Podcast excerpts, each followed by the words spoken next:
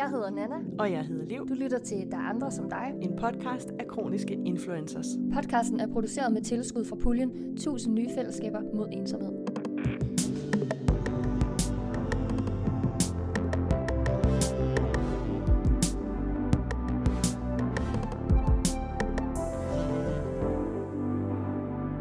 Du lytter til anden halvdel af podcasten Der er andre som dig. Ondt i røven med Katrine. Jeg kunne godt tænke mig at spørge lidt. Nu øh, det er det jo helt bevidst, at vi har... Øhm, vi, vi bruger også øh, altså ordene øh, bare råt som det er. Skide og lort og øhm, røvhul og sådan noget. Nu prøver vi ligesom at, at rykke øh, lidt ved nogle fordomme og nogle... Vi siger bare lige tingene, som de er. Og jeg kan faktisk mærke på mig selv, at, øh, at, at jeg siger øh, pøller og, og numsen og, øh, og sådan noget. Jeg, jeg synes selv, at det har været sådan lidt, nu skal vi, nu skal vi øve os, nu, nu skal jeg øve mig i, og så bare sige tingene, som de er, eller være med egentlig at være bange for det. Mm. Og særligt, fordi du selv inviterer til det, og det er den retorik, du bruger, så tænker jeg, så er det det, så er det, det, det, jeg godt skal kunne, det skal jeg kunne rumme. Men, men jeg tænker, når nu du snakker med, for jeg synes, det kunne være rigtig spændende at høre om sådan konsekvenserne af at have det her liv, sådan, øh, og de udfordringer, der kommer med, når det handler om, øh, om andre mennesker, der er omkring dig, pårørende af forskellige slags. Hvad fortæller du sådan? Om, om, øh, fortæller du bare, at jeg, altså, jeg kan først komme efter klokken et, fordi jeg skal skylle røven, og som du ved, så skal jeg lige gå tur, så jeg lige kan skide af. Og, altså, siger du, siger du sådan? Eller og, til, til alle, du snakker med af dine forskellige relationer? Eller mm. vurderer du lidt, hvor meget der behøver at blive sagt? Eller siger du bare, at jeg kommer først klokken et, for eksempel? eller hvordan? Øhm, det kommer lidt an på, hvem det er. Ja. Øh, Jeg forsøger at være så fuldstændig åben om det som muligt. Øhm, og nogle gange, så, så kan jeg godt mærke, at det støder nogen.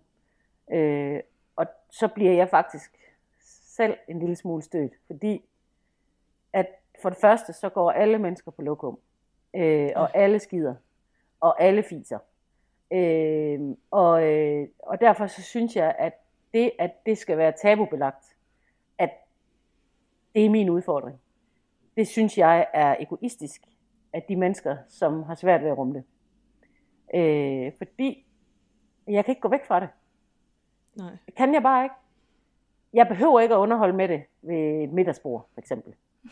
Men, øh, men for eksempel blev vi her tidligere inviteret ud til min svigerfar i, øh, i weekenden, og så siger, min, siger min mand, kan vi det? Så siger han, kommer han på, hvornår? Og så siger han, øh, hvornår skal det være så? Jamen, så klokken halv 11. Mm, okay, så kan vi godt. Så ved jeg bare, at jeg skal planlægge, at jeg skal op klokken måske halv seks, for at nå at være færdig til, at jeg kan komme derud. Men jeg ved også godt, at så er der ikke mere den dag, og heller ikke næste dag. Øhm, det, kan ikke, det kan ikke, fordi når jeg er afsted til sådan noget, så sidder jeg jo ned til sådan en middags øh, brunch øh, aktivitet der. Og bare det at sidde ned, er jo en udfordring for mig. Det gør ondt, mm. og det, jeg bliver frygtelig, frygtelig træt. Øh, og jeg bliver, når jeg bliver træt, så, så er jeg jo også mentalt på overarbejde. Det kender alle kronikere, tror jeg. At man, øh, så bruger man nogle ressourcer, som man ikke rigtig har. Og de ressourcer skal egentlig lades op på forhånd, og så lades op igen, når vi er færdige med det der. Så lidt afhængig af, hvem jeg snakker med. Øh, mm, jeg har lige haft en ordveksling med min mor i dag, som ellers er meget involveret. Og så skrev jeg, jamen jeg har voldskidt for tredje dag i træk i dag. Åh, oh, bare jeg vidste, hvordan jeg skulle hjælpe dig, siger hun, skriver hun så. Mm. Skriver, jeg har ikke brug for din hjælp. Det jeg har brug for, det er, at du har tillid til, at jeg ordner det her sammen med min læge og min sygeplejerske. Og så at du måske giver mig lidt omsorg og anerkender, at det her det er mit liv. Fordi det er mit liv. Ja. Ja. Øhm, og, og altså min mand og min, min søn og mine venner og veninder og sådan noget, de accepterer det bare, det er bare sådan det er. Mm. Øhm, så jeg har, jeg har bare valgt at sige, at jeg er fuldstændig åben, og jeg kalder tingene ved det, det er. Men, men jeg kan godt mærke, når jeg laver opslag på Instagram for eksempel, jeg synes det er svært at skrive. Hvad skal man skrive, uden folk de bliver stødt? Fordi mm. der er nogen, der bliver stødt over, at jeg siger, at jeg har ondt i røven. Så den har alle mulige nummi og bagperron og endestationer mm. og alt muligt. Alle mulige forskellige øh, øh, kælenavne. Altså, ja. Og jeg er sur på min røv. Jeg er sur på den røv og, og min mave, at det ikke bare kan arte sig. Jeg synes, det er pisse irriterende. ja. Og jeg jeg synes, spørge- det er træls. Ja. Må jeg spørge, hvornår, øh, altså, hvornår har du mulighed for at være sårbar? Så nu, nu siger du jo faktisk til os, som du ikke engang kender særlig godt, hvor, hvor sur du er på den røv. Altså. Og det er jo fantastisk, at du har altså sådan tillid til os til at sige det. Men hvornår har du mulighed for at være sårbar? Er det hos din mand og din mor, som kender dig nok allerbedst? Mm, det, det er med min mand. Jeg viser Ja. helst ikke mine forældre det. Nej. Det gør jeg ikke for at skåne dem. Ja. Øhm, fordi de er selvfølgelig kede af, at det her det er mit liv. Men, men ellers så er det nok, når jeg er alene i virkeligheden. Øh, og, og det er noget af det, som jeg har manglet rigtig meget. Det har været et sted, hvor at det er okay at være sårbar. Øhm, og, og det tror jeg, det handler rigtig meget om, at jeg altid har været en ressource. Jeg har altid været hende, der har taget mig af andre. Altså, I kan bare ringe til mig, så skal jeg nok hjælpe, og så skal jeg nok køre, og så skal jeg nok gøre det og det og det. Øhm, så jeg er ikke så god til at vise, at, at noget det er svært for mig også. Så øh, altså hos min psykolog og, og herhjemme med min mand, og så altså når jeg går, de der gåture, det er, det er virkelig øh, balsam. Det er det bare.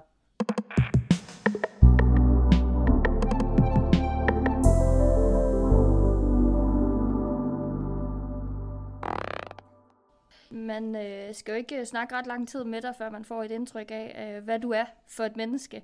Der er fart på dig, og øh, der er ingen grænser, og øh, jeg har set dig som øh, meget stærk, øh, øh, når vi har snakket sammen og sådan nogle ting.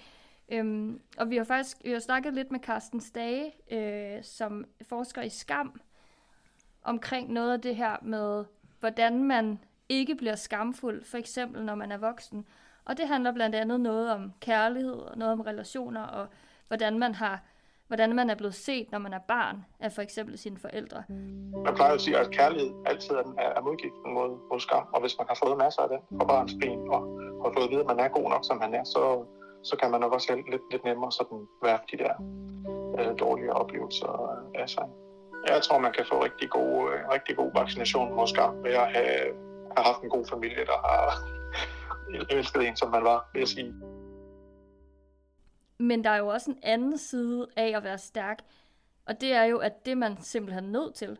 For enten så går man i havet, eller også så kæmper man. Mm. Jeg tror, kærligheden kan blive sværere, når man er, man er kronisk syg, øh, fordi skam jo, i hvert fald hvis man skammer sig over sin sygdom, fordi skam jo egentlig, hvis man skulle prøve at, at puste det op, siger, at man egentlig handler om, at man ikke selv synes, man er god nok.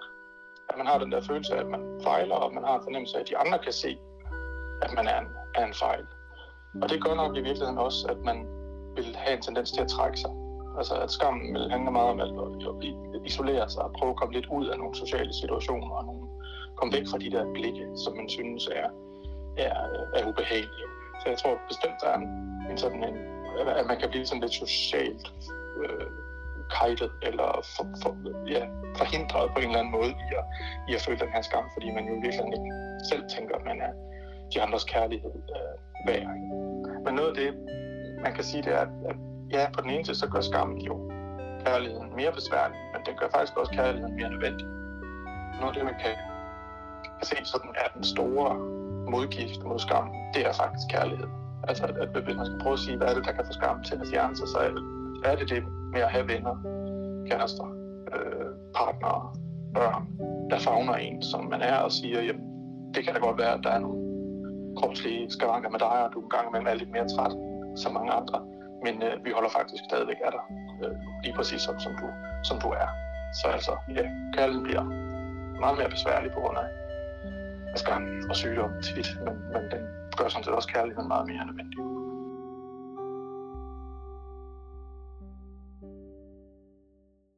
Og det er jo ret interessant, det her med kærligheden, for du fortæller jo faktisk som det første, at din mand er der, at du kan læse af og har noget tryghed. Men der må jo også være en stor, hvad kan man sige, byrde på hans skulder for at passe godt på dig og på jer, tænker jeg.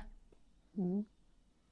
Det tror jeg også, der er, og det er også noget, jeg er meget øh, opmærksom på. Og det har jeg brugt rigtig meget tid i psykologen på at snakke om, at, øh, Altså, at, at det der med stadigvæk at være ligeværdig, og, og også hjælpe ham, når han synes, det er svært, og også, øh, det er faktisk også derfor, jeg sådan har opsøgt både øh, det her fællesskab, og også øh, ABMS-fællesskabet, fordi at der er nogle andre nogen, som forstår, hvad det handler om. Ja. Mm. For jeg kan godt forstå, når man øh, aldrig har fejlet noget, at øh, det er svært at forstå. Og det er svært at forstå, at jeg er træt. Jamen, kan du ikke bare tage dig sammen? Nej, det kan jeg bare ikke. Det kan jeg bare ikke. Øh, og også skal til noget to dage i træk. Nej, det kan jeg ikke bare tage mig sammen til. Ja, det, det, uanset hvor gerne jeg vil, kan jeg bare ikke. Og det kan jeg godt forstå, at det er svært at forstå. Men øh, altså, jeg vil sige, at min mand han er ganske enestående til det, fordi at han er simpelthen bare, han, han har ikke ændret adfærd over for mig overhovedet. Øhm, så det er ikke sådan, at han, øh, at han bestemmer, hvornår jeg skal hvile, for eksempel. At han siger, nu skal du gå hen og hvile. Men hvis jeg siger, nu skal jeg lige ligge ned lidt, ja ja, det er fint nok. Øhm, og, og hvis jeg har brug for, at han skal lave mad, så, så skal jeg bare sige til ham, øh, gider du ikke at lave mad, for jeg er bare færdig. Jo jo, skal jeg nok. Mm. Øh, så det er ikke sådan, at... Øh, altså fordi for mig er det egentlig ret vigtigt, at jeg kan få lov til at være, være øh, den, jeg stort set altid har været. Altså, ja. og stærk, og glad, og øh, fuld af humør. Øh, og så at han, øh, det, er ikke ret, det er ikke ret længe siden, jeg sagde til ham, at jeg synes bare, det er så fedt, at når jeg har nogle af mine lortedage, altså ikke, øh, ikke fordi jeg skider, men fordi, hvor jeg for eksempel er træt og har brug for at ligge, jamen, han forventer bare ikke noget. Altså, han, han forventer ikke noget. Altså, han, og det er heller ikke sådan, at han tager over for mig. Overhovedet. Men han kan, han kan til gengæld også godt være sådan, i sommer, da vi var på sommerferie for eksempel, så sagde han, øh, Nå, men vi går, vi, vi, Katrine, hun skal lige hjem og hvile lidt, så vi går bare nu. Altså, så var det ikke mig, der behøvede at sige, nej, det, det her, det kan vi ikke være med til. Altså, Så han rummer dig. Altså, han, han rummer det. Og, Han og lader det dig synes jeg- være, som du er, Ja. og, og giver dig plads til at sige fra eller til. Ja, ja. Det må da være rart, at I ligesom har fundet den rytme, eller at det er bare noget, der er sket, fordi måske... Ja, Det ved jeg ikke, om I har kendt hinanden øh, mange år før, øh, før du fik en Mm. sygdom. nej. Øh, vi lærte hinanden at kende i 13. Okay, så det er faktisk ret for, altså forholdsvis nyt i forhold til, at du blev syg for Ja. nogle år tilbage. Okay. Ja. Jamen, det er jo endnu mere kærlighedsagtigt, så... Altså, jeg vil i hvert fald sige, at han har virkelig lært mig det der med, hvad kærlighed det er, fordi øh, han sagde også for nyligt, øh, fordi der sagde til ham, er du egentlig flov over, at, øh, at jeg sk- måske snart er flexjobber? Så sagde han, "Hvorf- hvorfor i alverden skulle jeg være flov over det? Så siger altså, da du lærte mig at kende, der var jeg rigtig meget mor. Min søn, han er flyttet hjemmefra. Øh, der var jeg lægesekretær og arbejdede rigtig mange timer, og, og altså, der var så mange ting, jeg var. Så var jeg fitnessinstruktør og underviser, og var, havde rigtig meget frivilligt arbejde. Nu har jeg bare ingenting. Så sagde han bare, men altså, tror du min kærlighed til dig handler om, hvad du er? Altså, det, det er jo dig, jeg vil være sammen med. Det er jo ikke, det er jo ikke dit, dit fag, eller... Og, og det siger bare rigtig meget for mig. Ja, Og- hvor er det og fint. Kan man Det er, sådan en et det er sted? så fint. Det ved jeg sgu ikke, om man kan. Han er dyr, han er dyr. Nå, okay. Ah, så sparer jeg op lidt længere. Men øh, altså, det har kostet meget på, min, på venskabsfronten. Der er ikke, der er ikke mange veninder tilbage, det er der bare ikke. Nej, Okay. Og det, det synes jeg er svært. ja, det kan jeg godt forstå. Det er også, øh, det, er en, det er en hård en. Ja. Lige præcis. Altså det, øh, det har kostet, og det synes jeg faktisk, det har kostet lidt for meget. Ja. Ja, du har været ked af det mere, end, end Ja. du havde behov for måske. Ja, og det er jeg stadigvæk. Jeg er ked af, at, øh, fordi jeg ved, at hvis det var en af dem, som var blevet ramt, så ville det ikke have kostet mit venskab.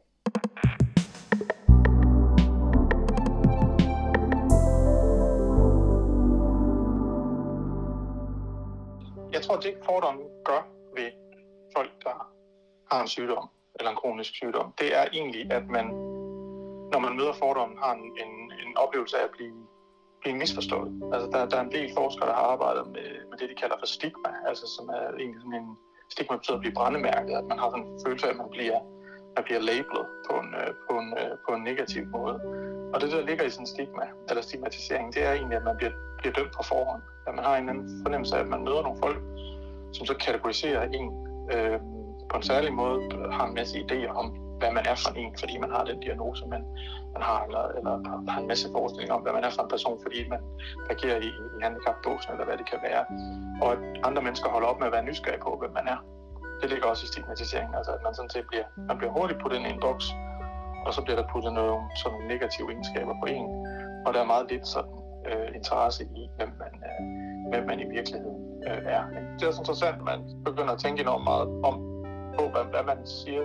Øhm, dem, der arbejder med stigma, de snakker meget sådan om informationskontrol. Altså, at hvis man føler, at man bliver stigmatiseret, og hvis man føler, at alle, alle mulige mennesker rundt omkring en har alle mulige idéer om, hvem man er, så man har mødt dem, så bliver man enormt påpasselig med at give information.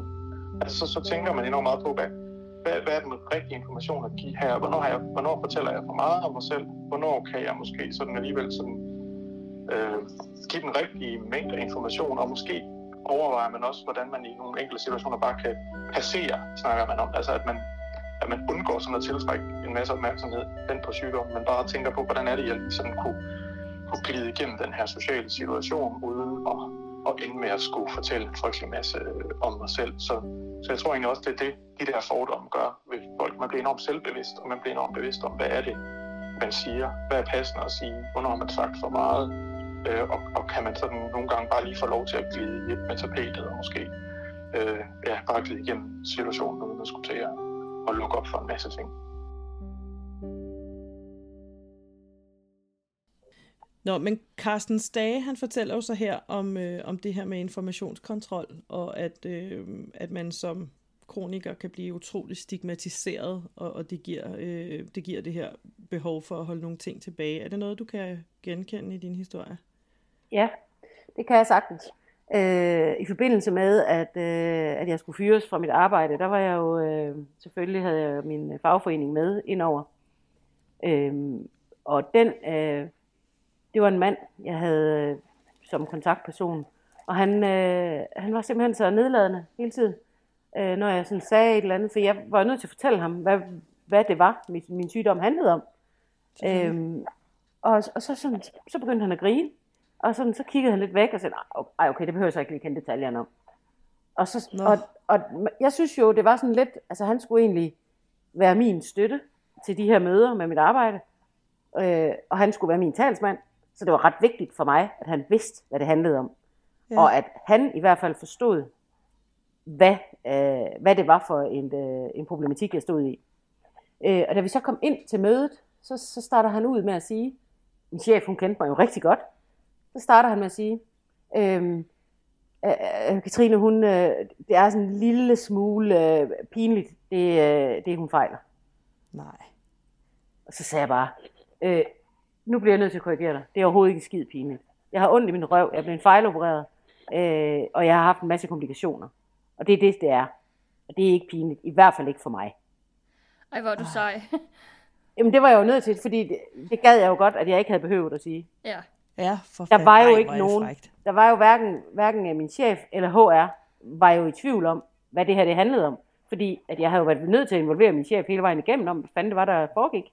Mm. Øhm, så så altså, der, der bliver jeg simpelthen, det bliver jeg bare så forundret over, at en, en mand i den, altså fra HK, som virkelig kunne, altså, kunne være så fordomsfuld på en eller anden måde, altså og, og nedgøre mig på den måde, fordi det følte jeg faktisk, at han gjorde.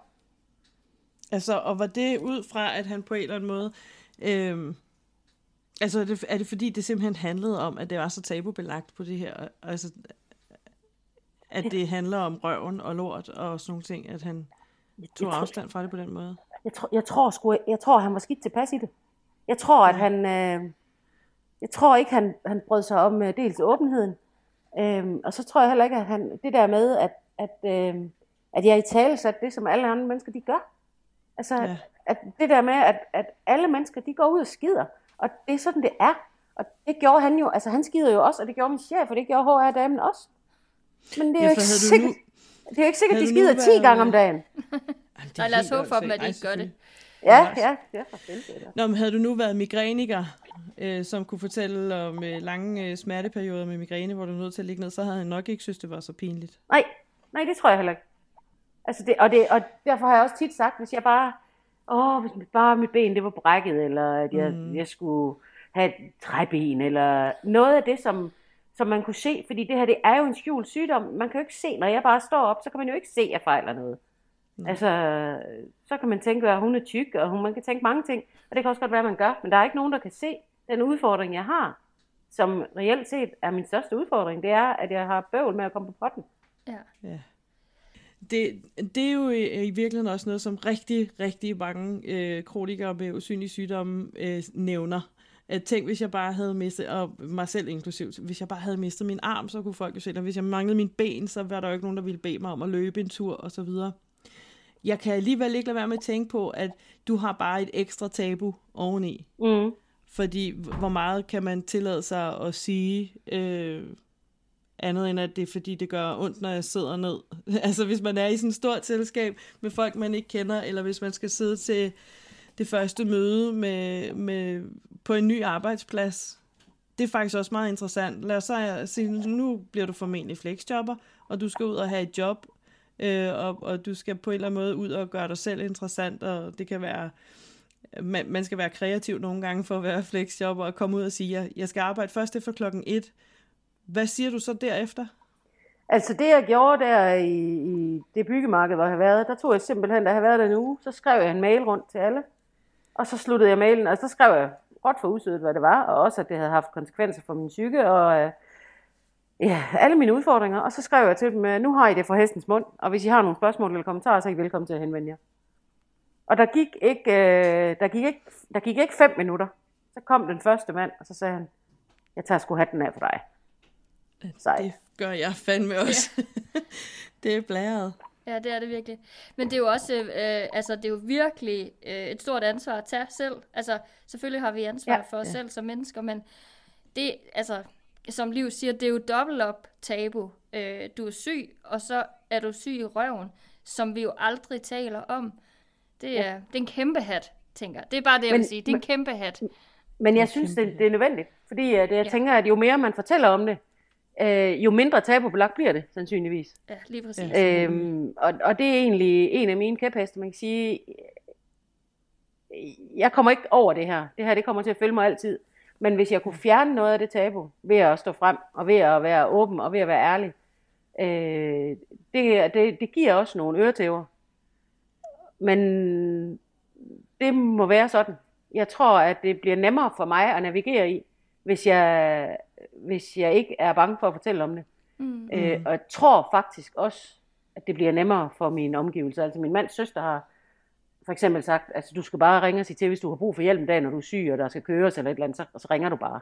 Mm. Og jeg, jeg tror ikke, hun forstår, hvad det handler om, men, men det tror jeg heller ikke, hun behøver. Nej. Fordi hun, hun forstår bare, at der er nogle udfordringer, og dem vil hun gerne bakke op om. Ja, ja hun accepterer, at det findes, og accepterer ja. dig i den situation, du er i. Ja, ja så ja tak til det der, fordi det kunne man måske forestille sig, at det fik du ikke lige gjort. Sagt ja tak. Mm. øhm, nej, det gør jeg nok ikke i det omfang, som jeg burde. Nej. Øhm, øh, jeg øver mig i at bede om hjælp. Ja. Øhm, og det gør jeg, det er måske et af de steder, hvor det herhjemme godt kunne være bedre. Altså, fordi hvis der skal laves et eller andet større projekt udenfor eksempelvis eller noget, så øh, jeg vil rigtig gerne hjælpe. Men jeg ved også, at hvis jeg gør det, så får det bare så mange konsekvenser. Ja. Øh, mm. Så derfor så kan jeg godt være hurtig til at sige, at vi kan også spørge, om mine forældre vil hjælpe, eller vi kan også spørge, om den og den vil hjælpe. Mm. Øh, og det er nogle gange lidt svært for min mand, fordi han vil gerne, at vi klarer tingene selv. Men jeg kommer sådan til at tænke yeah. på faktisk noget af det, vi har skrevet ned, vi gerne vil spørge dig om. Om du har et behov for at øh, fortælle mere, end du egentlig gør. Altså, øh, lidt af det her med informationskontrollen, kommer du til at begrænse dig nogle gange, fordi det simpelthen er nemmere at være dig, hvis ikke du altid bare fortæller det hele? Mm. Øhm, ja. Altså, Øh, og hvad udelukker du? Jeg tror, at jeg spørger, jeg svarer på det, jeg bliver spurgt om, men, men jeg, jeg fortæller ikke af mig selv. Altså, okay. tror jeg. Øh, jeg har en, en særlig pude med, når jeg kommer øh, til nogen sted hen og skal sidde. Øh, og jeg føler, at når jeg kommer med den, så er jeg, så er jeg jo særlig, og så skal der jo, åh, så synes folk, at det er irriterende, og øh, jeg har også behov for, hvis det er, altså at, at jeg kan gå på handicaptoiletter for eksempel. Mm. Fordi jeg har ikke, det bliver besværligt for mig at gå på toilet, hvis jeg skal sidde på sådan en lang række, eller der står nogen udenfor, eller sådan noget. Ja. Så omkring toiletbesøg, der har jeg også nogle særlige behov, og jeg har behov for, at jeg ikke bliver forstyrret, når jeg er der og sådan noget. Og det, det er jeg jo nødt til at give udtryk for. Fordi øh, hvis der står nogen og rykker i døren, øh, så bliver det et problem for mig. Øh, mm. Så på den måde er, er der nogle ting, jeg er nødt til at fortælle, øh, som, som jeg godt gad, jeg ikke behøver at fortælle. Okay. Så det bliver faktisk praktisk. Altså, hvis, hvis nu der ikke var den her praktik, så, så fortalte du måske i virkeligheden ikke særlig meget. Nej, så tror jeg bare, at jeg blev tænderne sammen og lod, som om jeg ikke fejlede noget. Ja. Hmm. Sådan helt praktisk, øh, hvis nu snakkede vi lidt om det der med middagsselskaber. Altså, øh, hvor længe kan du sidde sådan et sted? Altså, nu siger du, du har en pude med. Hvor længe sidder du til et middagsselskab, og hvornår siger du, øh, nu har jeg så ondt i røven, at jeg er lige nødt til at, at ligge et andet sted og, og hvile røven? Øh, cirka 30 minutter, så rejser jeg mig. Og okay. så sætter jeg mig øh, måske på skrå i en lænestol, eller ligger mig på sofaen, eller står op bag ved stolen. Ja. Øh, og når jeg gør det, altså, åh, det synes jeg fandme også, det er svært.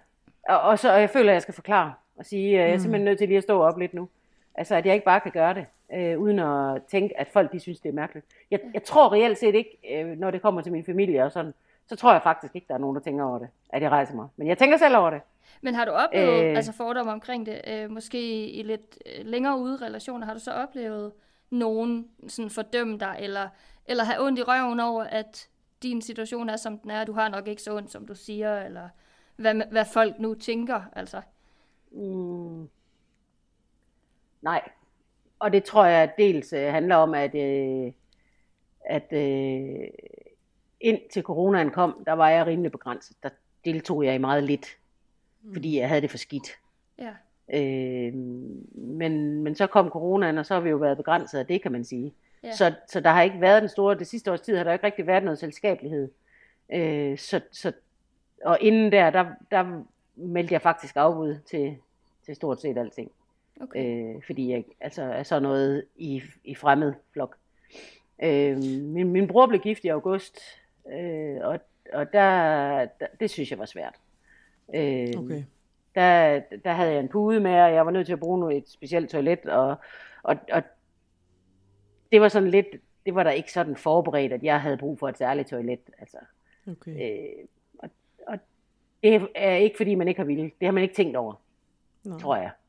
Øh, men ellers, så, så har jeg faktisk ikke været til sådan en større fest, hvor det har været nødvendigt, at jeg stod op. Men det er jo også på en eller anden måde faktisk at udøve sådan lidt en eller anden form for kontrol. Altså man bliver pludselig øh, påpasselig og, og trækker sig fra nogle ting og øh, stiller ikke sig selv i de situationer, hvor man kan risikere, at der bliver kigget på en, eller stillet mm. spørgsmål til en, eller hvor man pludselig skal stå der og være ærlig omkring noget, som øh, man jo godt er klar over, der skaber et eller andet underlig reaktion i folk. Ja, som ja. dybest set måske også, altså i virkeligheden er ret privat, ikke? Altså man kan sige, øh, du er jo nødt til at fortælle nogle af de her ting, fordi øh, ellers så forstår folk ikke, hvorfor du gør, som du gør. Men, men det rager jo i princippet ikke folk, hvad Nej. du fejler. Og alligevel Nej. så er du nødt til at være altså brutal ærlig, for folk de kan rumme dig og det på en eller anden måde. Det er jo en meget uretfærdig situation at blive stillet i, hvor andre jo, som du selv siger, er usynligt syge der kan man ligesom gemme sig lidt på en anden måde øh, nogle gange, ikke? Ja. Det, ja. det har, altså, du er fucking sej.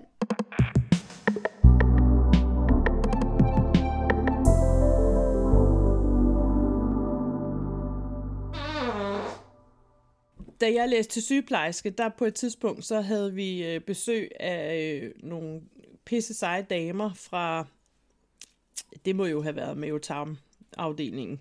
Og øh, de havde trygt, øh, den, det kan være, jeg kender den der sådan, afføringsskemaet over, ja. hvordan ens afføring er. Lortekortet. Den havde, ja, den havde de nemlig trygt på t-shirts. Ja. Og det var det, de gik rundt i. Og så øverst op, der står der, her snakker vi om lort.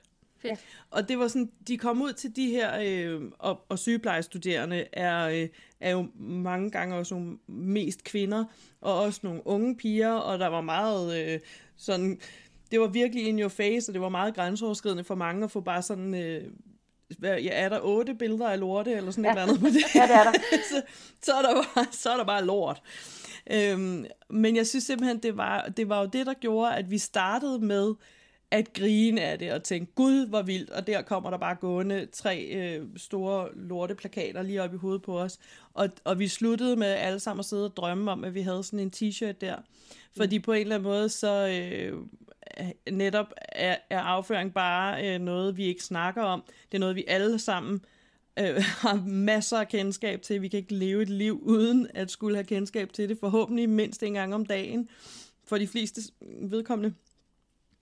Øhm, og, og det der med at prøve at, at fjerne et tabu fra noget, som, øh, som åbenbart bare er så indgroet i os, at vi, mm. vi vil bare ikke snakke om lort. Mm.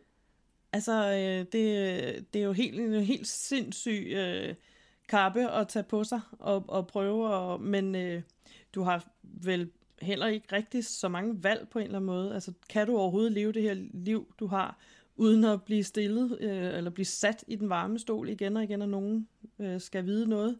Nej. Nej, altså jeg tænker samtidig, når vi, altså hvis nogen de spørger, hvorfor står du op, jamen, så er jeg nødt til at sige, hvorfor. Ja. Øhm, og, og det her med, at jeg er hjemme, altså siger, jamen jeg er syg. Nå, altså så, og så siger jeg, altså det er ikke, jeg dør ikke af det, altså, men jeg dør med det.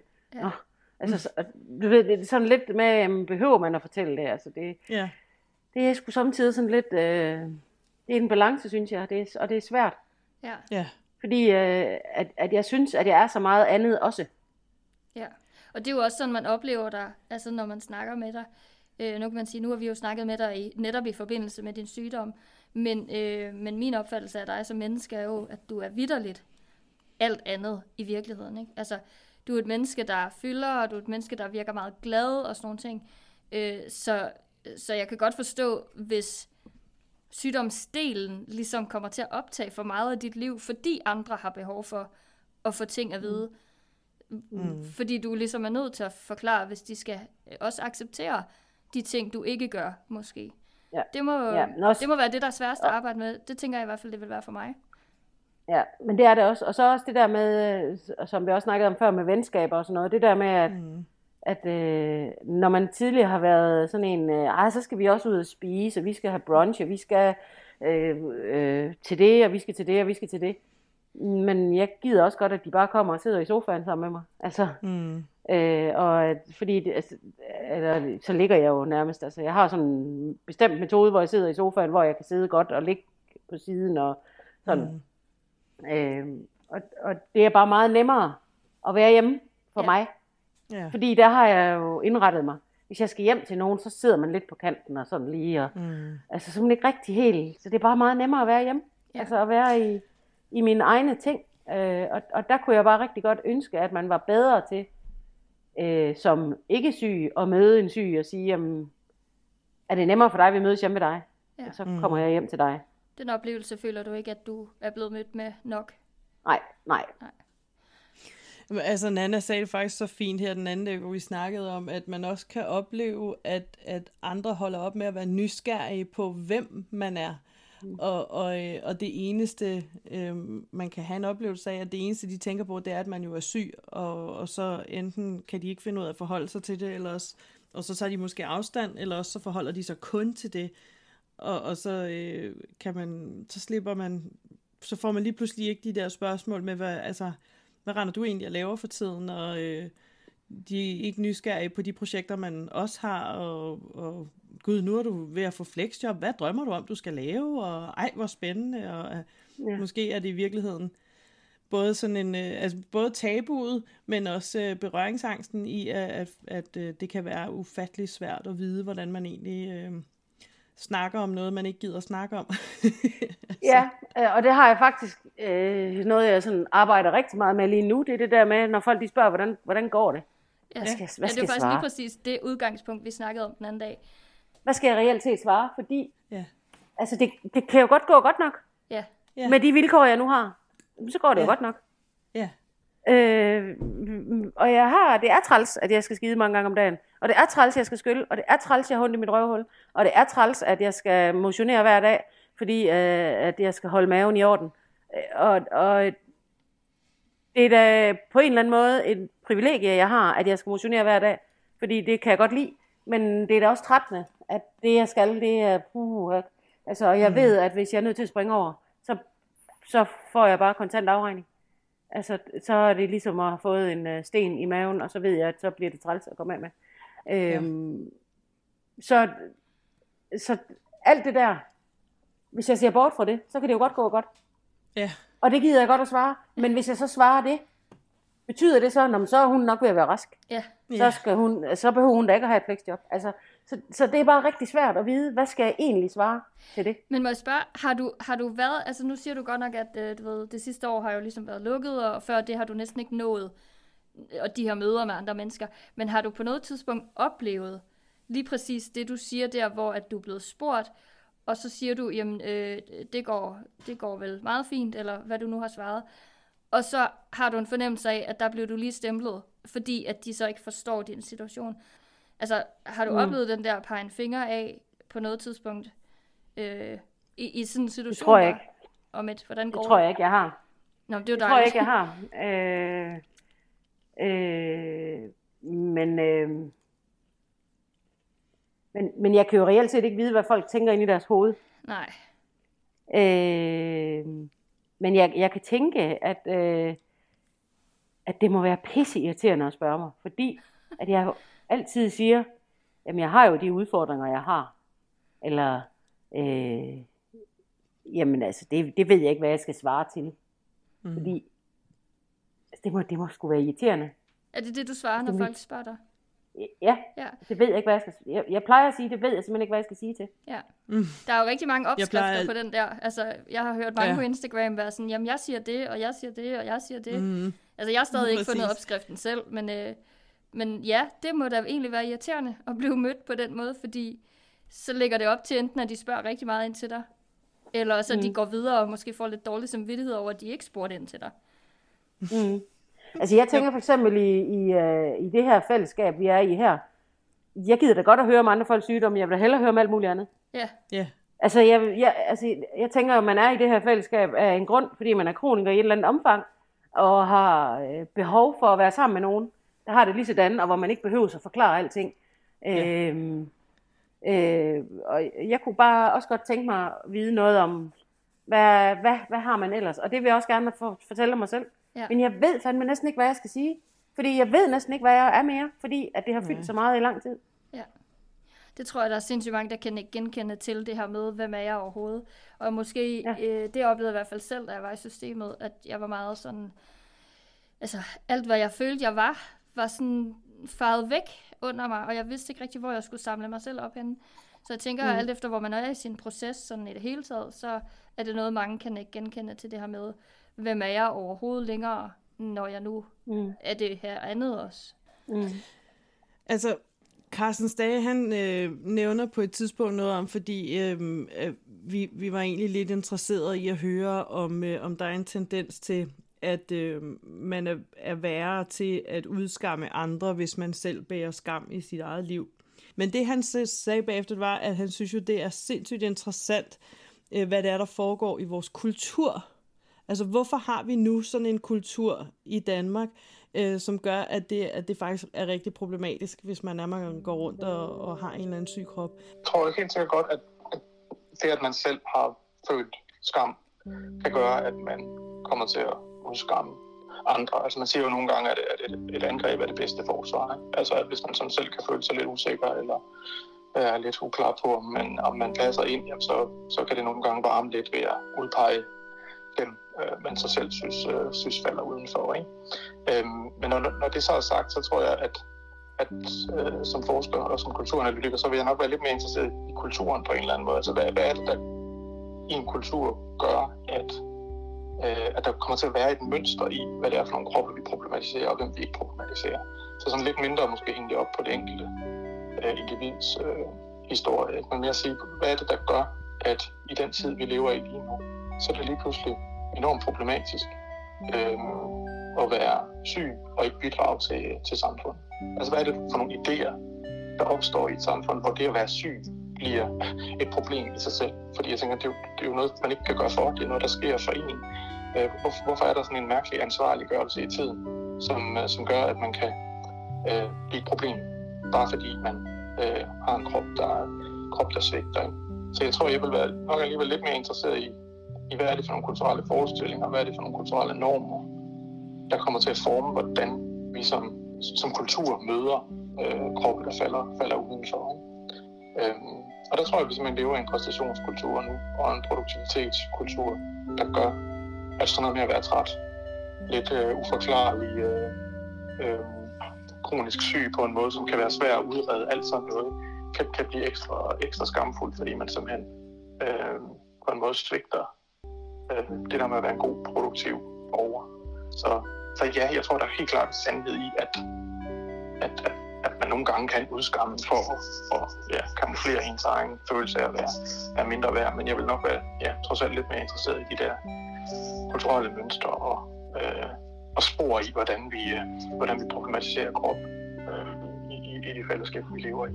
Og rykker tilbage sådan bare for 50, 60 år siden, så så vi jo sige, til at man været syg, det var, det var, blev der på en måde nogle rettigheder knyttet til. Altså, når, hvis du blev syg eller fik en diagnose, så fik man ligesom ret til at trække sig ud af en masse sociale forpligtelser. Så kunne man lade være med at gå på arbejde, man kunne lade være med at tage til familiefest, og så fik man ligesom lov til at trække sig ud af samfundet, indtil man på en eller anden måde fik det, fik det godt igen. Ikke? Eller der var en eller anden idé om, at den syge skulle tage sig af sig selv, tage, tage sig af sin krop, og, at, og dem, der omgav, eller bare omkring den syge, skulle prøve at understøtte vedkommende i at få det så godt som overhovedet muligt. Ikke? Mm. Jeg tror i dag, der falder dommen skulle lidt hurtigere. Altså, der er, det, der er ikke den der lange, lange tålmodighed med måske at, og, at give folk det bedst tænkelige liv. Det handler lidt om, om de kan præstere nu og her. Ikke? Sådan en eller anden form for øh, ansvarliggørelse, at hvis du er syg, så skal du også stå til ansvar for, hvorfor du er det, og du skal forklare, det er jo, det er jo ikke noget, nogen af os kan gøre for. Vi har slet ikke noget, vi kan, det er sådan, det er jo bare noget, der er sket på os. Vi kan ikke rigtig stå til ansvar for det her, men på en eller anden måde, så er det lidt det, det føles som om, at vores samfund kræver af os, og, og man kan mærke det fra folk omkring sig, at, at der er sådan en, vi kan slet ikke finde ud af at være og agere over for hinanden. Øh, så må du hellere forklare mig, hvad det er, du fejler, øh, og, og hvorfor det er, du har alle de behov, du har, for, for ellers så kan jeg ikke finde ud af at være i det. Men, øh, men i, i gamle dage, der var det egentlig sådan, at øh, gamle dage, han siger, det er faktisk ikke andet end 50 år siden, der fulgte der ligesom sådan nogle, nogle rettigheder med, at når man var syg, så var det ligesom om, at dem, det, det er det, der er sket for dig, og øh, i, i dit liv, du så har nu, der er det dit ansvar at tage dig godt af dig selv, og det skal du gøre. Altså det er ligesom om, at, at dommen falder hurtigere, og det gør den måske også inden fra os selv, ikke? at vi, vi mister os selv, vi ved ikke rigtig, hvem vi er mere, når ikke vi sådan er i relation til alt det, vi plejede at være i relation til i vores kultur. Så vi kan ikke finde ud af, hvem vi er. Så når folk de spørger, hvordan det går, så det ved jeg slet ikke, fordi måler du mig nu op imod alt det, vi plejer at måle op imod, eller, eller spørger du egentlig, hvordan jeg har det, eller hvad, hvad er det helt præcis, du gerne vil vide, når du spørger? Ja, ja. ja og tanken om, at altså det her med at være værdi som menneske, ja. Øh, men at, ja. at man som menneske ligesom mister sin værdi i det her samfund, fordi man har fået en sygdom, som man jo altså ikke selv er herover, man har fået. Og at, at pludselig så er man nedgraderet øh, i et eller andet niveau. Mm. Og, og det er jo helt skørt, men det er jo noget, vi alle sammen kan mærke. Carstens dage. Nu har jeg nævnt hans navn en milliard gange. Det er, fordi jeg er så fascineret af de ting, han kommer med hele tiden. Mm. Han siger, at modgiften mod skam er kærlighed og at det ofte er sådan, at hvis man kommer fra en, en rigtig øh, stærk baggrund med massevis af kærlighed, øh, at så er man stærkere til, øh, til som voksen at kunne stå imod at skulle skamme sig nødvendigvis. Det er jo ikke fordi, vi skal rode dybt ned i din barndom og sådan ting, men jeg synes, jeg kan mærke på dig, at du også du, du claimer ligesom den her. Nu er du øh, tilfældigvis ramt af den her sygdom, og du gider ikke rende og skamme dig over den. Hvor kommer du fra, siden at øh, du kan være så stærk? Hvor kommer den styrke fra? Hmm, det er bare slet ikke den oplevelse, jeg selv har. Nej, hvor sjovt. Eller? Fordi at, at jeg, øh, jeg synes faktisk, at jeg, jeg skammer mig faktisk rigtig meget over det her. og jeg har rigtig svært ved øh, at skal hen et sted. For eksempel øh, være sammen med min svigerfamilie. Fordi jeg føler virkelig, at jeg skal skamme mig over, at jeg ikke er mere end det her. Øh, så jeg tror, at, øh, at øh, en rigtig stor del af den her styrke, den finder jeg i min mand. Fordi at, at jeg er så åben over for ham om, hvordan jeg har det. Og at det er det her, jeg synes, der er svært. Øh, så jeg er tryg sammen med ham. Og altså jeg ser bare slet ikke mig selv som værende stærk. Jeg håber, at jeg bliver det. Øh, og det, øh, det, det arbejder jeg på at blive. Øh, og det gør jeg blandt andet ved at være åben om det. Øh, men jeg tror simpelthen, at, øh, at de steder, hvor jeg ikke behøver at skamme mig, det er der, hvor jeg er tryggest. Altså med min søn og min mand og mine forældre. Og, men ellers, så, og så ved min, øh, min øh, mands søster og hendes familie. Men ellers, så alle andre steder, der, der har jeg svært ved at se nogen i øjnene, synes jeg. Det er jo breaking news oven på en lang samtale. Det, altså, mm, ja. og, og jeg vil også lige sige, det, det er heller ikke sandheden, fordi du er stærk. Du sidder her sammen med os, som du faktisk ikke kender, og deler ud. Det i sig selv er et kæmpe skridt imod at være stærk. Ja, og det, og det er også det. Jeg tror, det er, det er en del af processen.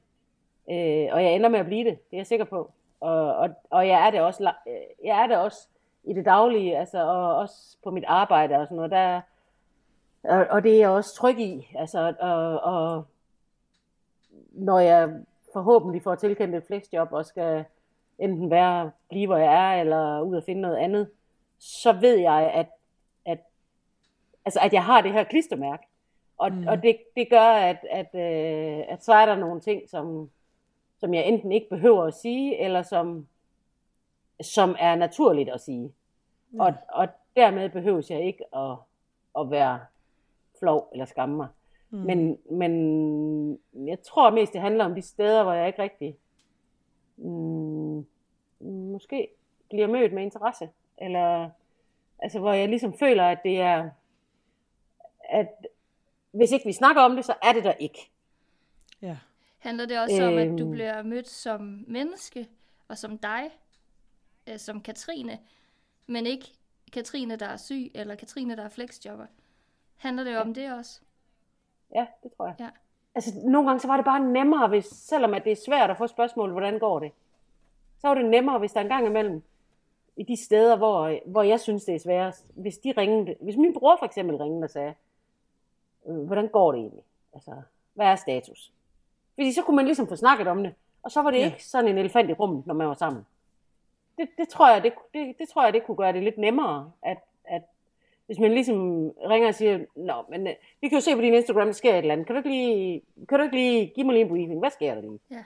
Mm. Øh, og så fik man ligesom snakket om det, og så, og så var det nemmere. Øh, tror jeg. Om det ville fjerne den der skam, som jeg sådan synes. Altså skyld føler jeg ingenting af. Fordi det er ikke min skyld, men, men øh, jeg kan godt være skamfuld over, at jeg ikke Altså, at jeg så bare er det her nu. Altså, forstår mig ret. Øh, fordi jeg kunne godt tænke mig, at jeg var noget andet. Jeg kunne godt tænke mig, at jeg ikke var syg. Jeg kunne godt tænke mig, at jeg stadigvæk var lægesekretær, der arbejdede øh, på fuld gas og kunne søge nogle fede stillinger. Jeg kunne godt tænke mig, at jeg stadigvæk var øh, vanecoach og overspisningscoach og kunne arbejde med det. Og jeg kunne godt tænke mig, at jeg mm. stadigvæk var fitnessinstruktør og kunne give den maks gas på det. Og at, øh, altså alle de der ting, som jeg var før. Ja. Det kunne jeg virkelig godt tænke mig. Det kan også være, at det hænger lidt sammen med det der med, at, øh, at alt det, du lige refererede til, det var jo et sted, hvor du følte, øh, følte dig som en succes. Altså du havde succes med noget, øh, alt muligt mærkeligt, der fik dig til at føle, at det her, det kører. Jeg har succes ved at være mig. Og det der med at være skamfuld, det har rigtig meget noget at gøre med, at man føler, at man ikke har succes med noget, at man er en, en fiasko og fejler.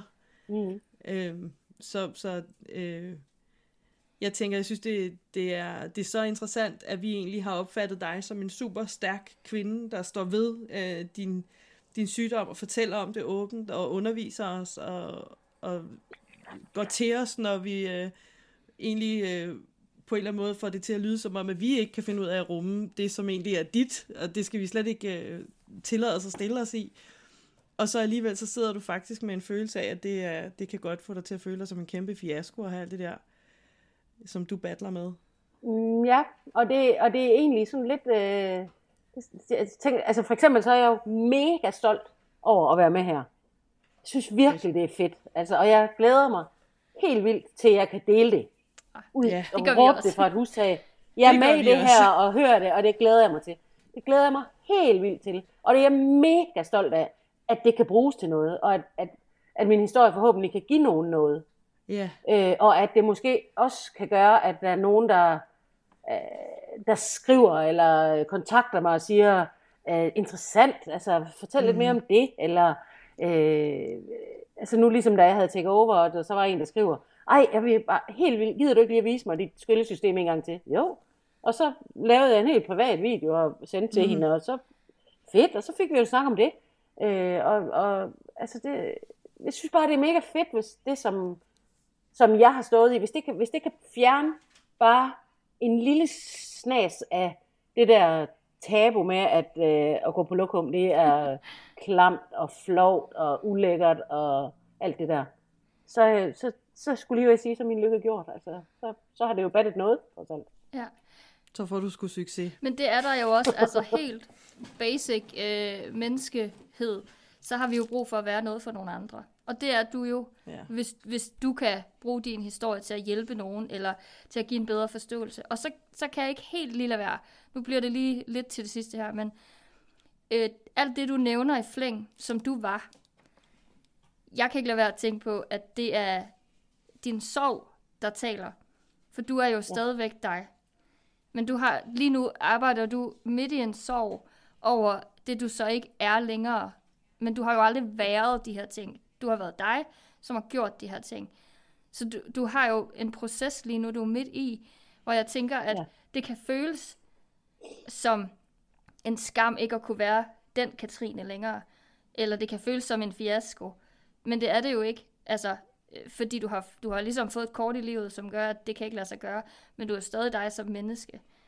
Og det at være sit eget menneske, det er da trods alt det største, man kan tilbyde sig selv på en eller anden måde, ikke? Jo. Så det, Jo, det må du jamen, godt lige tage med i lommen. Altså, du er dig, og det er det allerbedste, du kan gøre. Og, og det, det tænker jeg faktisk også meget over, det der med, med det sorgfulde. Altså, det er sorgfuldt at vinke farvel til en stor del af sit liv. Ja, det er det. Det er det. Altså, og skal, min, min psykolog, han sagde på et tidspunkt, kunne du vente om og så se det som privilegie. Du står, jeg siger 45, øh, du står midt i livet, og nu står verden åben for dig. Nu skal du til at retænke dig selv. Og det har, det har faktisk været en øjenåbner for mig. Altså nu, så er der jo nogle ting, jeg pludselig må se, at det, så kan jeg bruges til det. Ja, og så er du noget, noget for nogle andre, som er kronikere for eksempel. Ja. Det er jo i sig selv også ret fantastisk. Jeg synes i hvert fald, at det er altså helt vildt fedt, at du har brugt din tid sammen med os nu her. Især fordi, at det faktisk lige vendte sig her til sidst. Vi har jo, vi er jo gået ind i den her samtale med en fordom om, at du bare var sådan og sådan. Og så bliver vi lige øh, klasket på kinderne og sagt, det var faktisk ikke helt sådan, det var i virkeligheden. Ja. At det heldigvis var en Næ, det- det positiv da fordom, det er så øh, godt, kan man sige. Ja, jeg, jeg, jeg tænker, det er da dejligt, hvis jeg, hvis jeg syner stærk. ja. Det, det, det synes jeg, der er fint, og det, og det vil jeg gerne. Jeg, jeg vil ikke være svag. Nej. Jeg vil ikke være, øh, jeg vil ikke være, øh, jeg vil ikke være et lille menneske. Øh, og det mener jeg heller ikke, man er, fordi man er svag. Men, men jeg vil gerne være øh, rummelig og øh, stærk og kunne stå op for andre. Og, og det vil jeg gerne, og det er det, jeg altid har gjort. Ja, Så, så, så det er jeg glad for, at jeg giver det indtryk. ja. Det er bare ikke den følelse, jeg selv har. Nej, men det kan der jo også være stor forskel på, og det er du jo et øh, absolut levende bevis på, kan man sige. Ja, tak. ja, selv tak. Ja. Ja, og så tænker jeg også, at jeg synes, det er meget spændende, det her med skam og følelsen af fiasko og, og succes og følelsen af styrke, ikke? at det på en eller anden måde hænger sammen, men at det, som folk udefra ser som en styrke, øh, ikke nødvendigvis er det, man indenfra ser som en styrke. Ja, Og, altså, det er jo også noget med, at vi spejler os i hinanden og et eller andet. Måske, jeg synes, han er, han er sgu spændende, ham din psykolog der, for på en eller anden måde, så ligger der jo også sådan lidt en, der er jo en ufrivillig uddannelse i at blive kroniker, fordi man, man bliver pludselig uddannet i at være et helt andet sted i sit liv, end man egentlig var før, og, og det er slet ikke noget, man har besluttet sig for at være. Mm. Øh, men hvis man egentlig kan tage den uddannelse så, og sige, okay, men nu har jeg så lært og alt det her, som er noget, jeg kom til at lære, uden at jeg vidste, det var det, jeg lige skulle lære. Hvad kan jeg bruge det til? Hvad kan jeg så med det? Det vil man jo også gøre, når man læser til lægesekretær. Når man nu er lægesekretær, hvad kan jeg bruge det til? Det er jo ikke nødvendigvis sådan, at man skal øh, arbejde på et sygehus og sidde der, eller op hos en læge. Man kan jo gøre alle mulige ting med det. Hvordan mm. vil man forme det til sit eget? Katrine. Ja. Tusind tak, fordi du gad at komme og dele med alle vores fantastiske lyttere og med os. Jeg er blevet meget klogere på mange ting, også på min egen fordomme. Velbekomme. Jeg vil også gerne sige virkelig mange tak, fordi du havde lyst til at være med. Jeg, øh, jeg glæder mig til at sætte mig i klipperummet, og så øh, glæder jeg mig til, at du skal høre den, så du kan dele den med alle dem, du glæder dig til at dele den med. Det glæder jeg mig også til. Fedt. Jamen tak for i dag. Vi, øh, vi høres ved. Det gør vi. Tak for i dag. Hvis du er blevet nysgerrig på Katrine, så kan du finde hende på Instagram under navnet lykkelighverdag.nu. Carsten Stage er lektor ved Institut for Kommunikation og Kultur på Aarhus Universitet. Han har blandt meget andet forsket i skam. Jeg hedder Nana. Og jeg hedder Liv. Du lytter til Der er andre som dig. En podcast af kroniske influencers. Podcasten er produceret med tilskud fra puljen 1000 nye fællesskaber mod ensomhed.